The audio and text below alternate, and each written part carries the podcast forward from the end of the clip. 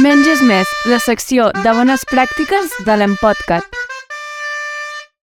El Menges més d'aquest episodi parla sobre la quimioprevenció de la malaltia tromboembòlica en pacients mèdics no crítics hospitalitzats.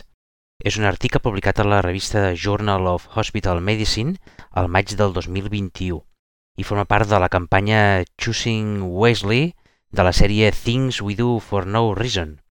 I ens parla de que la malaltia tromboembòlica és una de les principals causes de morbi-mortalitat evitable en el pacient eh, ingressat.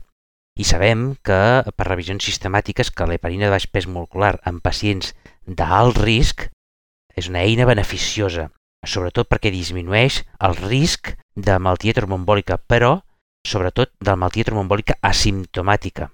El benefici no és tan rellevant si per el que tenim en compte és la prevenció de l'embolisme pulmonar o de la mortalitat associada a aquest embolisme. També cal tenir en compte que aquesta heparina té el risc d'hemorràgies majors, que és d'una magnitud rellevant, i sense despreciar altres efectes adversos de les heparines, com és la trombocitopènia o el dolor associat a la, a la injecció. Per tant, la recomanació en aquest article del Menges Més són tres recomanacions. Una, que és utilitzar escales per estratificar el risc de malaltia tromboembòlica en aquests pacients mèdics hospitalitzats i identificar quins d'aquests són del risc, perquè són els que realment es poden beneficiar d'utilitzar les heparines. Eh, d'escales ens recomanen dos, l'escala de Pàdua i l'escala de Ginebra.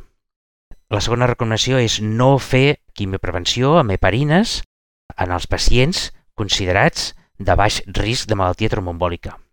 I la tercera recomanació és esperonar a tots aquests pacients que s'hospitalitzen de la mobilització precoç.